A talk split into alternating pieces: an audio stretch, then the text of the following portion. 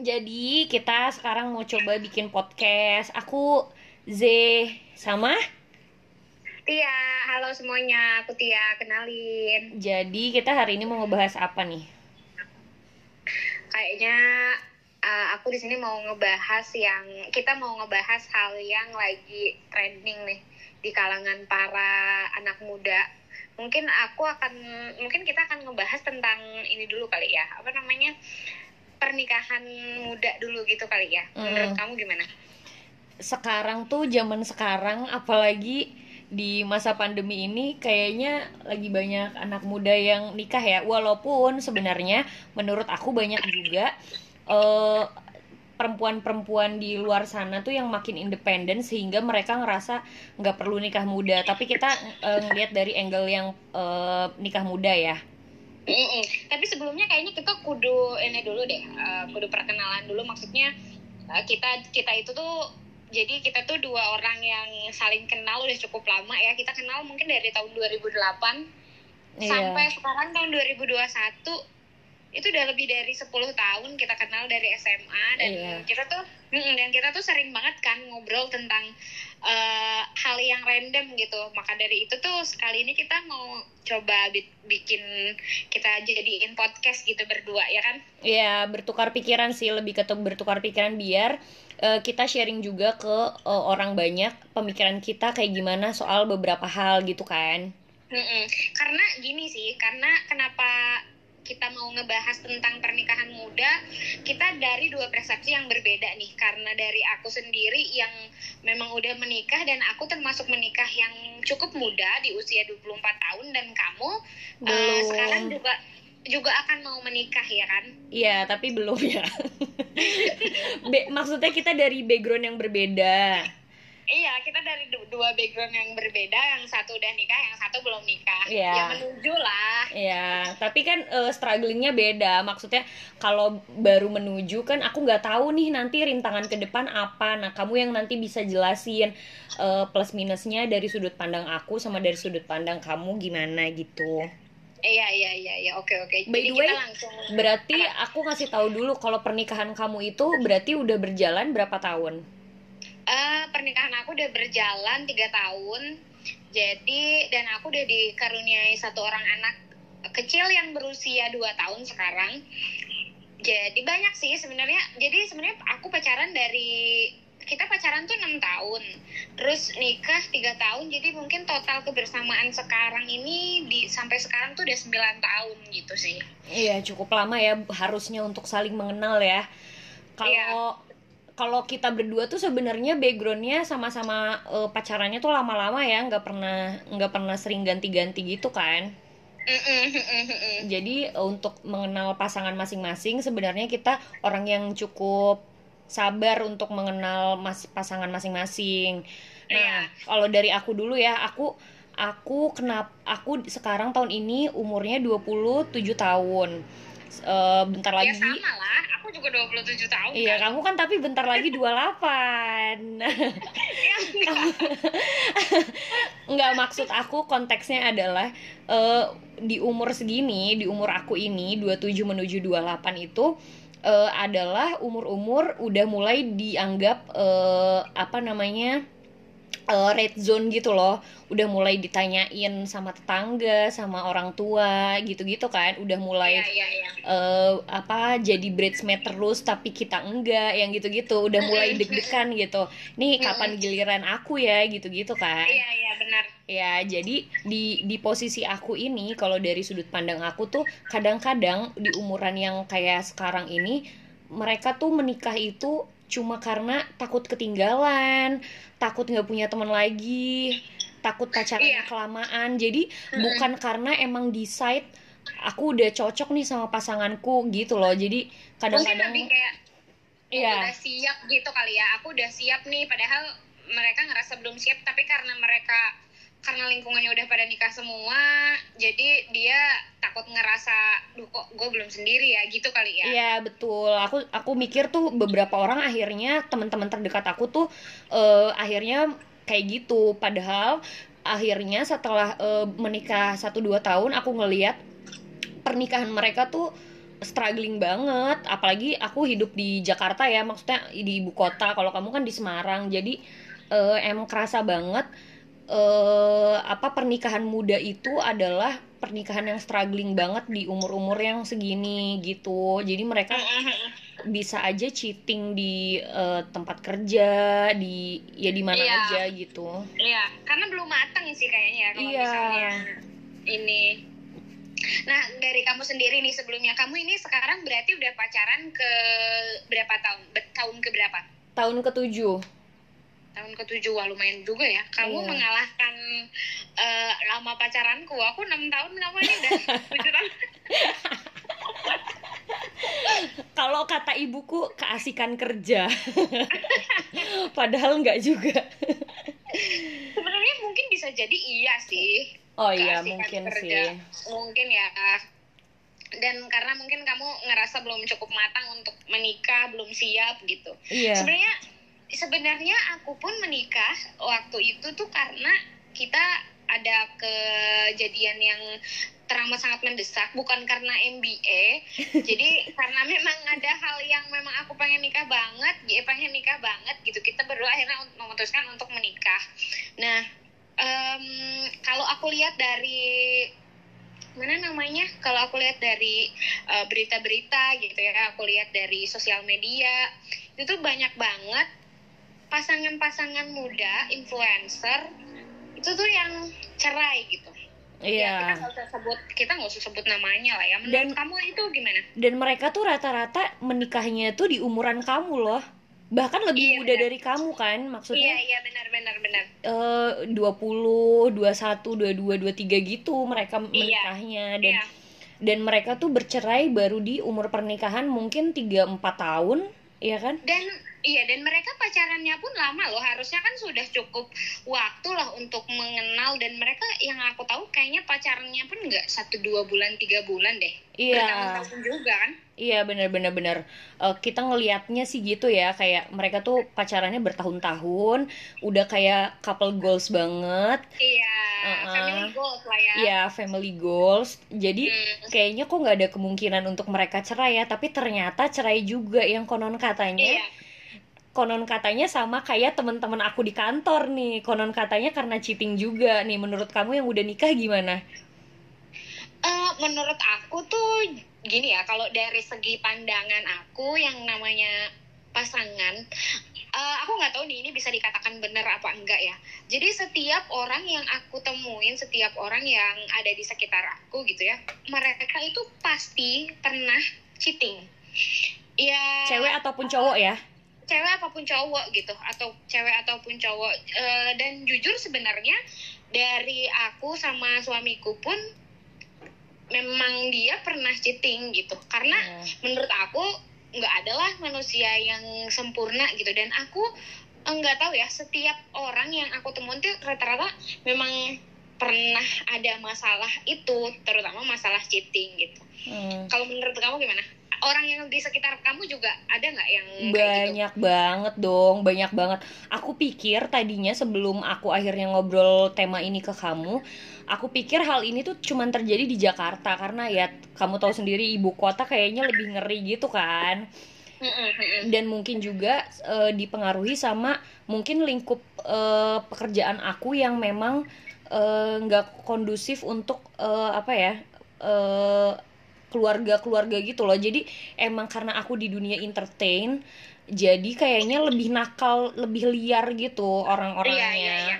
Iya, iya, jadi iya. aku beranggapan tadinya karena karena kehidupan aku di Jakarta dan karena aku entertain aja tapi ternyata ketika aku ngobrol tema ini ke kamu ternyata wah nggak cuman teman-teman aku ya yang kayak gitu ternyata eh, di luar sana Semarang bahkan ada juga yang kayak gitu aku nggak nyangka Iya. sih justru eh, jangankan Semarang-Semarang kan termasuk kota besar ya justru yang di kotaku di Brebes ya ter- apalagi kota kecil yang di pelosok itu tuh jauh lebih parah dan lebih ekstrim gitu cheatingnya Hmm. yang aku temuin kasus-kasusnya ya jadi ya menurut aku nih kalau aku ngelihat dari sudut pandangku yang udah pernah menikah eh, yang sudah menikah menurutku em, kita sudah memberanikan diri untuk berkomitmen dengan pasangan ya. Jadi harusnya kita me, apa ya ibaratnya menerima dan kita memang harus ya udah gitu kita terima maksudnya gimana ya bukannya aku terima kalau suamiku selingkuh ya jujur aku uh, kecewa banget waktu itu jadi uh, waktu kita menikah dia memang pernah selingkuh tapi dari situ tuh menurut aku tuh tuh satu pelajaran untuk pendewasaan. uh, aku. Iya pendewasaan. Pelajaran untuk pendewasaan. Karena kan gimana ya namanya juga orang menikah nggak semuanya berjalan dengan lancar sebagaimana mestinya gitu. Hmm. nggak semuanya yang aku mau itu ada gitu. Jadi mesti ada buruknya. Jadi misalnya kayak aku eh, suamiku selingkuh nih hmm. sebenarnya yang harus di menurut aku sebenarnya yang harus di uh, highlight adalah di antara kita berdua itu harus ada kesepakatan nih cheating itu tuh apa gitu. Makna Jadi, dari cheating itu apa gitu ya? Maksudnya iya, cheating iya. itu bisa cuman uh, flirting mata doang, bisa iya. cuman chatting doang atau bahkan lebih parahnya mungkin bisa bersetubuh gitu kan? Iya, iya. Maksudnya kayak kita harus nyamain persepsi dulu nih batasan cheating tuh sampai mana kalau misalnya misalnya main dating apps gitu ya menurut menurut aku itu udah cheating chattingan secara langsung chattingan walaupun belum keep in touch itu ya udah udah cheating menurut aku gitu ya hmm. mungkin menurut suamiku kalau cheating itu udah ketemu ketemuan udah ngajak tidur kayak gitu hmm. mungkin ya tapi kalau dari versi aku cheating itu ya berawal dari kita uh, ngelihat orang lain maksudnya kita chattingan kita uh, main date uh, aplikasi dating gitu menurut aku itu udah cheating gitu nah nah kalau balik lagi nih kalau misalnya di dalam Islam sendiri kan memang uh, memperbolehkan adanya poligami gitu ya. Hmm. Kalau aku ju jujur nggak setuju dengan adanya itu. Tapi kalau misalnya nih, um, kalau misalnya tentang selingkuh, kalau tentang selingkuh, aku aku mau sih memaafkan hal hal selingkuh gitu. Kalau misalnya suamiku cheating karena itu menurut aku sebagai bahan untuk pendewasaan uh, tadi. bukan pendewasaan sih. Untuk aku sendiri mena, me, apa sih namanya bahasanya itu? Untuk kesabaran aku sendiri gitu oh, loh. Oh, biar menguji kesabaran kamu gitu. Nah, iya, menguji kesabaran sendiri dan untuk ladang pahala buat aku kan. Jadi, aku pernah nonton pernah nonton uh, ceramah gitu ya. Kalau misalnya suami selingkuh, kita harus sabar. Nah, kalau misalnya sabar itu kita kita jangan mau kalah sama si pelakor itu gitu loh. Kalau misalnya hmm. kita kalah, ya misalnya kita kita misalnya ngajuin cerai nih sama dia berarti kan otomatis kan kita kalah gitu ya. Hmm, nah aku nggak mau aku nggak mau kalau misalnya aku kalah sama si pelakor itu. Justru aku harus lebih kuat dari dia gitu. Kuatnya kamu harus perjuangin rumah tangga iya, ini gitu ya? Iya iya. Karena yang aku tahu juga setan itu paling suka dan setan itu mendapatkan pahala tertinggi ketika dia menghancurkan rumah tangga orang gitu. Hmm. jadi aku nggak mau juga nih kalah sama setan gitu. Gimana pun caranya. Kalau misalnya suamiku cheating gitu ya ya aku harus ngembaliin dia ke rumah lagi gitu ya. Entah cheatingnya itu dalam bentuk apa pun gitu. Nah menurut kamu sendiri kamu takut nggak sih kalau misalnya nanti kamu menikah gitu ya? Terus aku ternyata, punya cerita sih. Aku dulu pernah iya. cerita ya. ke kamu. Kita ceritain hmm. lagi di sini ya. Dulu aku pernah baru pindah ke satu perusahaan dan di situ kan aku baru jadi anak baru otomatis kalau di, uh, perempuan di satu perusahaan baru itu kan pasti udah jadi kayak ikan diliatin kucing-kucing gitu kan kamu paham kan? nah suatu saat tuh uh, aku kan bekerja di entertain otomatis aku biasa banget untuk pulang malam. Pulang larut jam 12 tuh udah udah uh, makanan setiap hari. Nah pada saat itu tuh ada satu cowok yang uh, apa namanya tiba-tiba kayak kerjaan dia udah selesai dia masih kayak nungguin aku gitu untuk maksa nganterin aku pulang. Aku kan tetap nggak hmm. mau kan. Hmm. nah waktu itu aku tetap masih punya pacar ya. Cuma maksudnya aku kepo aja ini orang tuh siapa? Aku cari di Instagram dan ternyata tuh dia udah punya anak dan istrinya tuh baru melahirkan. Di situ aku nggak kenal dia aja. Maksudnya aku sama sekali nggak whatsappan nggak kenal itu aja aku tuh nangis. Aku takut aku jadi istrinya tau nggak? Aku segitu ngebayangin ya kalau kalau aku nanti jadi istri aku digituin tuh aku segitu takutnya. Sampai akhirnya sekarang kan aku udah mau proses nikah ya. Uh, itu tuh sampai aku kayak ada perjanjian. Pokoknya kalau kalau kamu uh, dia backgroundnya itu dia dulu pernah cheating. Waktu kita pacaran nih selama proses tujuh tahun tuh dia pernah cheating satu kali. Nah uh, akhirnya pas kita udah mau nikah nih aku bilang lagi ke dia uh, pokoknya kalau nanti di pernikahan kamu cheating satu kali aja pokoknya aku udah nggak akan maafin dan aku udah pasti meninggalkan dia. Aku bilang gitu aku udah pernah maafin kamu sekali. Eh, aku nggak pernah mau maafin kesalahan yang sama kedua kalinya karena berarti aku yang bodoh aku bilang gitu. Jadi kalau Hmm. kalau aku sih kalau dari sudut pandang aku aku nggak mau banget ya. Hmm, berarti kalau misalnya dia cheating gitu ya, nah, maksudnya pahit-pahitnya dia cheating, berarti kamu udah memutuskan untuk berpisah sama dia gitu. iya sih aku udah tegas dari sekarang bahkan sebelum aku nikah Nah, menurut aku tuh, hmm, aku nggak bisa bilang aku pro ataupun kontra ya sama kamu. Iya Cuma eh, dari segi aku, aku tuh mikir boys will be boys gitu. Dia dia akan tetap jadi ya dia akan tetap jadi laki-laki. Dia dia misalnya di rumah dia milik kita. Di luar itu dia milik dunia gitu. Menurutku ya. Jadi kayak misalnya gini, dia selingkuh nih.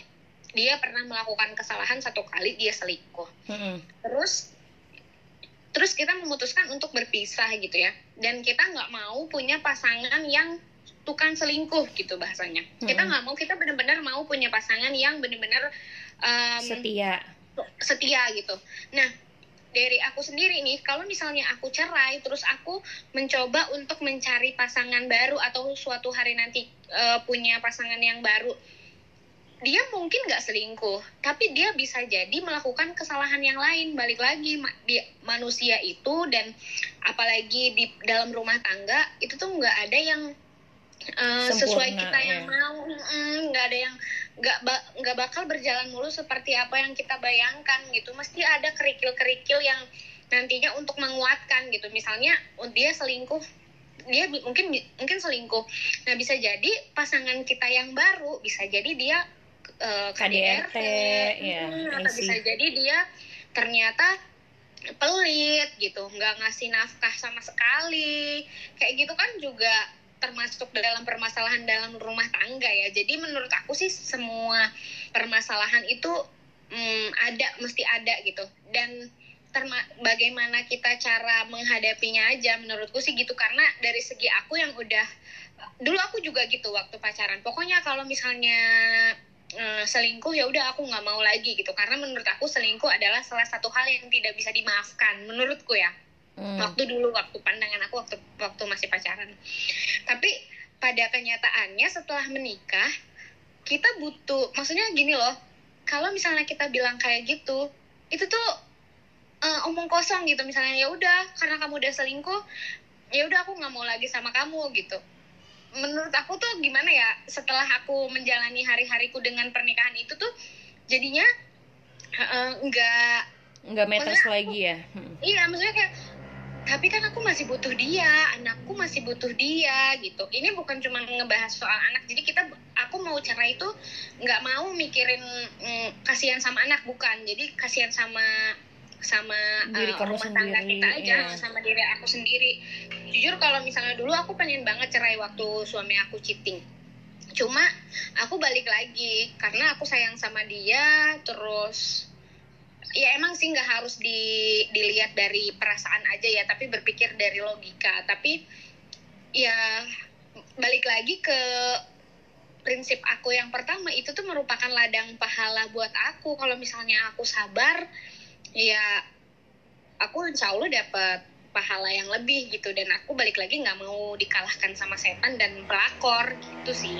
Intinya menurut kamu eh, suamimu ini udah versi terbaik dari yang kamu punya gitu jadi belum tentu nanti kalau orang lain sama kamu kamu mendapatkan versi terbaik untuk kamu gitu kan Mm-mm, bener banget, bener Iya. banget. Karena eh, gini, aku juga pernah nonton salah satu drama gitu ya. Jadi dia dia tuh merasa suaminya tuh ada yang kurang gitu. Satu hal gitu. Bu- bukan cheating tapi ada yang kurang di salah satu hal. Dia mencoba untuk mencari laki-laki lain. Tapi waktu dia mencari laki-laki lain dia juga kepikiran eh, si laki-laki ini tuh nggak sesempurna suaminya gitu paham nggak maksud aku Iya iya, jadi dia menutupi kesalahan yang A, tapi dia nggak punya B, C, D yang dipunya suaminya gitu kan? Iya, iya. Jadi ibaratnya, jadi ibaratnya misalnya dari 100% suami kita, kesalahannya dia 15%, 85%-nya kan berarti dia nilainya kan baik kan. Belum tentu di orang lain nilai orang lain itu juga 85% bagi kita gitu. Iya, Cuma gara-gara satu masalah cheating ini gitu. Jadi betul.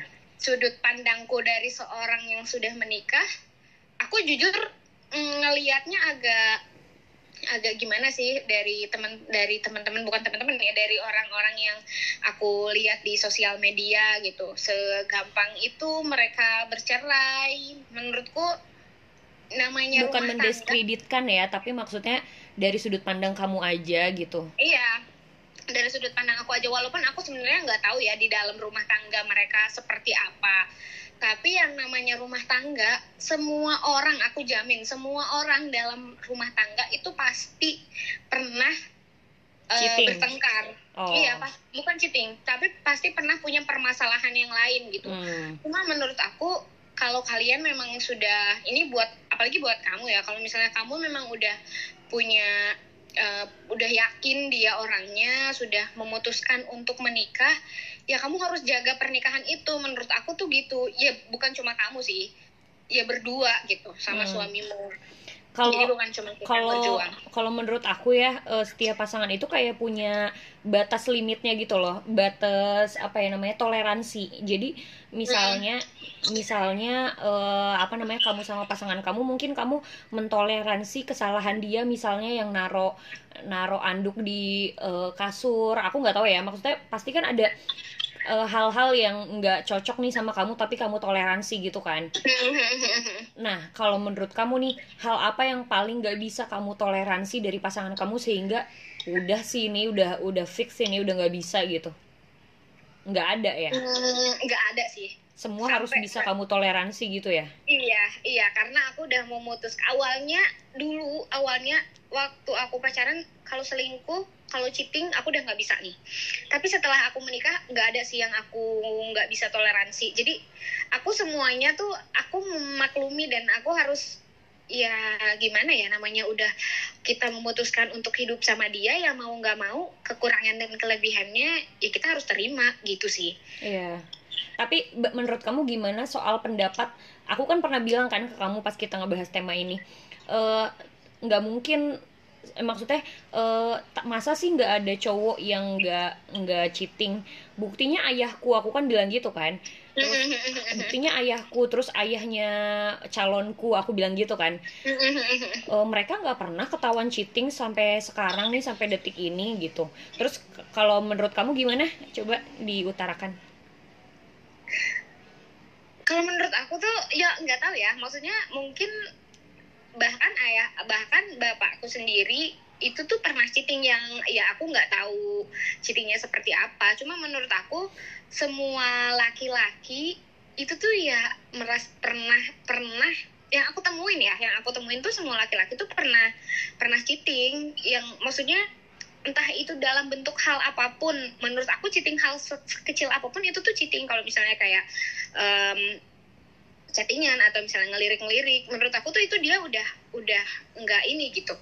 Nah kalau kalau misalnya ayah kamu atau ayahnya calon kamu aku nggak tahu sih. Karena kan aku juga nggak bisa menilai secara garis besar ya. Maksudnya karena mungkin waktu kak waktu muda kan kita nggak tahu waktu Iya. mereka muda kayak gimana kamu kan menilai Yang orang-orang sekarang. itu sekarang Iya, iya At least nggak pernah ketahuan seumur hidupku 27 tahun ini gitu kan. Iya, iya bahkan aku pun tahu kalau bapakku cheating itu tuh setelah umur mungkin 25 apa 26 gitu ya. Kayaknya 2 tahun apa 3 tahun yang lalu gitu. Jadi ya karena aku mikir kayak orang oh, oh rumah tangga orang tua aku baik-baik aja kok gitu.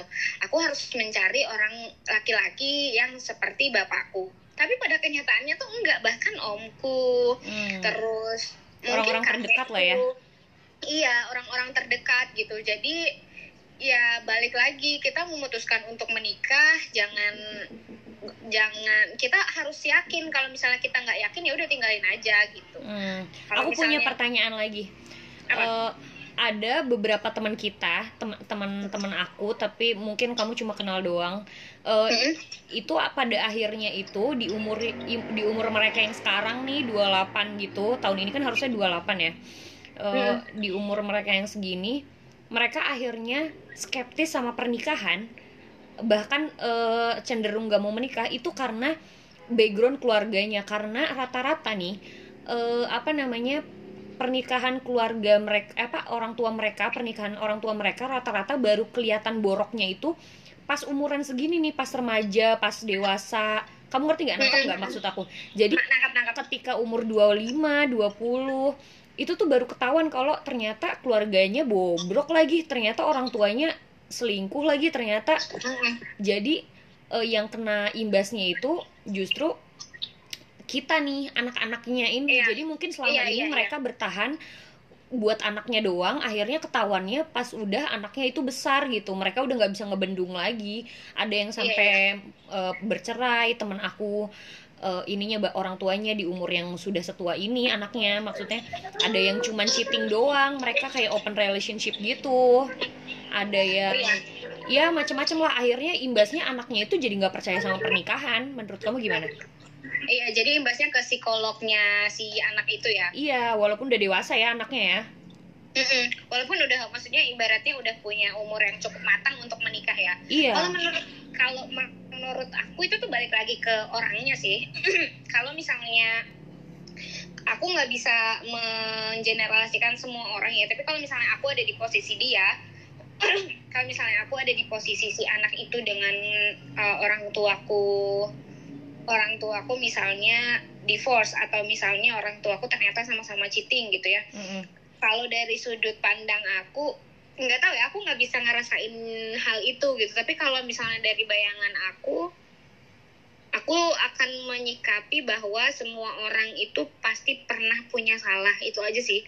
Jadi ya kita nggak harus mem- kita nggak harus melakukan hal yang sama seperti mereka cuman kita bisa punya kita bisa menjadi orang yang lebih baik gitu gimana ya nge- ngedeskripsiinnya aku bingung deh Iya, Pokoknya- pokoknya eh, jangan jadikan kesalahan orang tua kita tuh sebagai eh, hantu gitu ya. Maksudnya menghantui kita tuh Iya. jangan sampai iya eh, kesalahan mereka itu menghantui kita. Kita ya kita gitu ya kan. Iya, karena karena setiap orang itu punya menurutku tuh setiap orang tuh punya bukunya masing-masing gitu. Walaupun kita anak dari orang tua kita, ibaratnya kita dari satu pabrik yang sama gitu ya. Kita punya buku dari satu pabrik. Belum tentu catatan aku sama catatan eh, orang tuaku itu tuh sama gitu. Jadi jangan jangan disamain nih. Aduh nanti kalau misalnya aku takut nikah gara-gara orang tuaku. Nanti kalau misalnya aku nikah aku sama posisinya kayak mereka. Nggak bisa gitu konsepnya menurutku Iya. ya yang nggak bisa kita ya kita mereka ya mereka walaupun kita dari mereka gitu paham nggak maksudnya Iya. gitu sih kalau dari tanggapan aku ya untuk eh, orang-orang yang masih mikir kayak gitu eh, coba deh dipikirin lagi. Maksudnya semua orang nggak ya mungkin mungkin aku nggak bisa ya ngerasain jadi kayak mereka. Cuma harus dipikirin lagi bahwa namanya hidup itu ada yang namanya senang ada yang namanya sedih gitu. Itu tuh bakal satu paket walaupun janganlah janganlah jangan takutlah sama yang namanya pernikahan gitu. Karena kan pernikahan juga hal yang disunahkan kan oleh agama gitu sih. Mm-mm. kalau dari sudut pandang kamu gimana Eh, kalau menurut aku itu imbas dari orang-orang yang mempertahankan hubungannya cuma karena anak sih. Maksudnya ya daripada akhirnya ya mungkin kan ada orang yang beranggapan kasihan lah masih kecil nanti aja bertahan buat anak dulu. Akhirnya itu cuma jadi bom waktu dia meledaknya pas anaknya udah gede. Pada kenyataannya pas anaknya udah gede itu juga anaknya nggak baik-baik aja. Maksudnya walaupun dia udah punya pemikiran sendiri udah punya kehidupan sendiri udah punya penghasilan sendiri tetap aja itu berimbas gitu loh ke ke ke mental anaknya itu gitu Iya, Dan- aku setuju sih. Iya dan itu nggak bisa dihindarkan mau anaknya masih kecil mau anaknya udah gede itu tetap aja jadi menurut aku daripada bertahan tapi menyakitkan mendingan ya kalau emang udah nggak bisa menurut aku sih aku nggak apa-apa aja daripada itu apa ya menyakitkan gitu loh kayak ngapain open relationship dua-duanya cerai kan anaknya bingung cuy Iya, iya, iya, iya, iya. Tapi eh, itu sih yang jadi terjadi juga di aku. Jadi eh, tadi misalnya kayak suamiku cheating gitu ya. Mm, Aku nggak maunya dia balik lagi karena anakku gitu. Aku Iya. mau dia balik lagi itu ya karena dia sayang sama aku dan aku sayang sama dia. Gitu, iya betul betul Gitu sih. Bener aku setuju sih yang masalah yang eh, ke anak itu. iya heeh. Hmm, gitu deh pokoknya kira-kira mau ada yang disampaikan lagi nggak dari pengalaman nikah muda ini Apa ya? Em, aku bingung tadi itu aku ada hal yang mau aku sampaikan tapi kok tiba-tiba mendadak ngeblank ya. Padahal intinya kayaknya dulu kita padahal kayaknya dulu kita mau ngomongin ini tuh bakal panjang lebar. Kita kan tiap hari kan ngomongin hal random termasuk hal ini kan. Iya. Intinya tuh menurut aku eh, di apalagi di zaman yang kayak sekarang nggak udah nggak ada lagi bahasan nikah muda nikah tua menurut aku ya.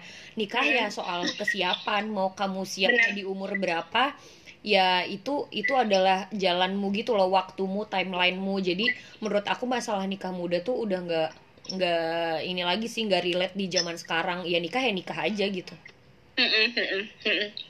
Gitu sih.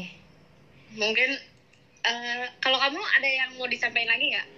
Aku kayaknya itu aja sih eh, concernnya itu nikah itu karena diri kamu sendiri karena kamu sayang sama pasangan kamu karena kamu yakin sama dia jangan sampai eh, nikah itu cuma karena dikejar waktu karena ini bukan lomba karena mau nyenengin orang lain termasuk orang tua itu juga jangan.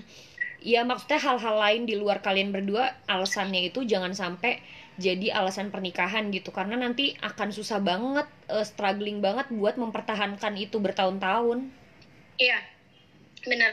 Eh, aku mau sedikit ini sih, mau sedikit ngomong yang masalah dulu. Aku pernah ngeliat ada orang yang bilang bahwa nikah itu jangan cuma bawa perasaan, tapi bawa logika juga. Kalau misalnya eh, orang eh, orang yang kamu sayang atau suamimu atau istrimu itu ternyata melakukan kesalahan ya, kamu jangan mikir kamu sayang sama dia doang, tapi kamu mikir logikanya nih kalau misalnya orang dia udah pernah cheating dia bakal berulang-ulang berulang-ulang gitu ya. Oh iya iya. Itu penyakit gitu kan? Iya itu penyakit. Cuma menurut aku nih ya udah ya tetap aja perasaan kudu dibawa. Namanya juga kita sayang sama dia gitu ya. Hmm, menurut aku tuh ya kalau misalnya kita pakai pikir pakai logika nih kita mau ninggalin dia terus iya udah kita tinggalin terus ternyata kita kita masih sayang sama dia ya nyeselnya kan yang namanya nyesel itu kan pasti datangnya belakangan ya. Hmm. gitu nah aku kurang setuju sih sama pikiran yang jangan pakai perasaan tapi pakainya logika. Aku kurang setuju sih kalau misalnya kayak gitu. Ya kan perasaan dipakai namanya kita kita kenapa kita mau sama dia? Karena kan kita sayang ya logikanya Iya, sayang. iya. itu kan pakainya perasaan kan? Betul betul. Dari hati gitu sih sebenarnya kalau mau ngebongkar satu-satu soal pernikahan tuh banyak banget sih. Maksudnya Mm-mm. banyak problem-problem yang sebenarnya masih bisa kita bahas kayak eh, apa namanya teman-teman aku nih yang rata-rata baru nikah akhirnya tuh kayak eh, tiba-tiba lari kabur dari eh, apa namanya keluarganya tuh cuma karena dia butuh me time dia stres megang anaknya atau dia capek kerja sambil ngurus anak yang gitu-gitu. Itu juga bisa kita bahas sebenarnya cuman eh, it- itu aku nggak tahu sih itu itu berpengaruh sama masalah nikah muda atau enggak sih? Iya sih mungkin hal itu kita bisa bahas di di lain waktu ya Eh, iya di lain waktu di episode kita selanjutnya kali ya Oke deh, kalau gitu sekarang segini aja dulu. Jangan lupa dengerin podcast kita yang lain karena ya kita sebenarnya bukan siapa-siapa sih, bukan Iya. expert. Gak usah sok ngerti. Tapi ya dengerin aja lah ya. Iya, ta- tapi emang sebenarnya kalau misalnya kalian tahu ya, jadi kita tuh emang kalau ngomong ya hal yang seserius Satu- ini. iya iya. Kita ngomong-ngomong hal yang biasa tuh jadi kayak jadi panjang lebar gitu ya ya iya benar. Oh iya aku ba- aku tuh pengen ngebahas juga nanti mungkin ini sih kayak insecure gitu. Oh iya. Ya nanti Eh, banyak lah episode episode kita lain. Iya iya. Oh ya sama satu lagi nih hal yang mau aku sampaikan di dalam pernikahan ya. Jadi misalnya gini, suami melakukan kesalahan, misalnya salah satunya itu cheating. Nah cheatingnya itu kita harus tahu dulu nih karena apa? Jangan kita eh, marah-marah sama suami kita, tapi kita juga harus ngaca nih sama diri kita sendiri. Duh, aku kurangnya apa ya? Apa mungkin aku terlalu posesif? Apa mungkin aku terlalu eh, cuek sama dia gitu? Tapi kalau soal ini kalau kamu ngebahas soal ini ya aku tuh eh, apa kontra sama kamu. Karena menurut aku waktu waktu pasangan aku selingkuh Mm-mm. itu aku jadi ngeblaming diri aku sendiri. Aduh aku kurang ini sih. Aduh aku harusnya gini. Aduh haru- kemarin aku jangan kayak gini. Itu ngeblaming terus ke diri aku sendiri. Padahal kan itu salah dia kan. Maksud aku bener nih aku harus introspeksi diri. Tapi seolah-olah tuh aku harus mengat aku seolah-olah tuh aku gagal mengatur dia sehingga dia sampai selingkuh gitu loh. Dan itu nggak kan boleh juga maksudnya. kalau- tapi kan kamu di situ juga kamu mengakui kalau misalnya eh, itu salah dia, cuman kan ada seke- hal kecil yang menyebabkan dia selingkuh mungkin dari kita kan. iya itu benar. Cuma maksudnya jangan sampai tuh eh apa ya aku tuh jadi, Jadi kayak- menyalahkan diriku sendiri Diri sen- atas iya. kesalahan Iya, iya, dia gitu loh. Jadi aku eh apa ya terlalu lu bego sih gitu-gitu jadi kayak yang aku nyalahin banget gitu kayak yang Iya, ini semua sebenarnya salah aku bukan salah dia jadi aku gelap mata kalau ini tuh bukan salah dia padahal sebenarnya salah dia juga gitu iya, iya. Maksudku eh, itu salah dia, tapi kita juga harus berkaca sama diri kita sendiri. Siapa tahu kita ada hal yang mau diperbaiki ya. Balik lagi namanya orang berumah tangga, kita hidup berdua, kita harus mempertahankan itu berdua gitu. Kalau misalnya kita mau suami kita balik lagi, ya kita harus tahu nih, kita harus kita harus memperjuangkan gitu sih kalau menurut aku. Nah, em, mungkin itu aja dulu kali ya untuk yang untuk yang selanjutnya tuh aku pengen banget ngebahas tentang insecurity sih dari orang yang dari terutama aku seorang istri yang sudah menikah dan eh se- seorang eh, wanita yang sudah menikah dan punya anak sih. Boleh boleh gimana? boleh boleh boleh. Nanti di episode selanjutnya berarti episode kedua kita bahas insecurity. Oke. kalau security. gitu sampai di sini dulu aja episode kita kali ini. Terima kasih sudah mendengarkan. Semoga. Ya semoga pembahasan kita ini eh, jadi input yang baik untuk teman-teman yang mendengarkan dan juga eh, apa namanya jadi ya pokoknya jadi hal-hal yang baik lah hal yang bisa menjadi pelajaran untuk teman-teman semua sih, Iya. terutama untuk uh, teman-teman yang mungkin mau menikah atau teman-teman yang sudah menikah dan punya permasalahan gitu sih. Iya, siapa tahu jadi punya sudut pandang lain dari obrolan kita berdua. Iya betul. Terima kasih sudah mendengarkan Terima semuanya. kasih sudah mendengarkan.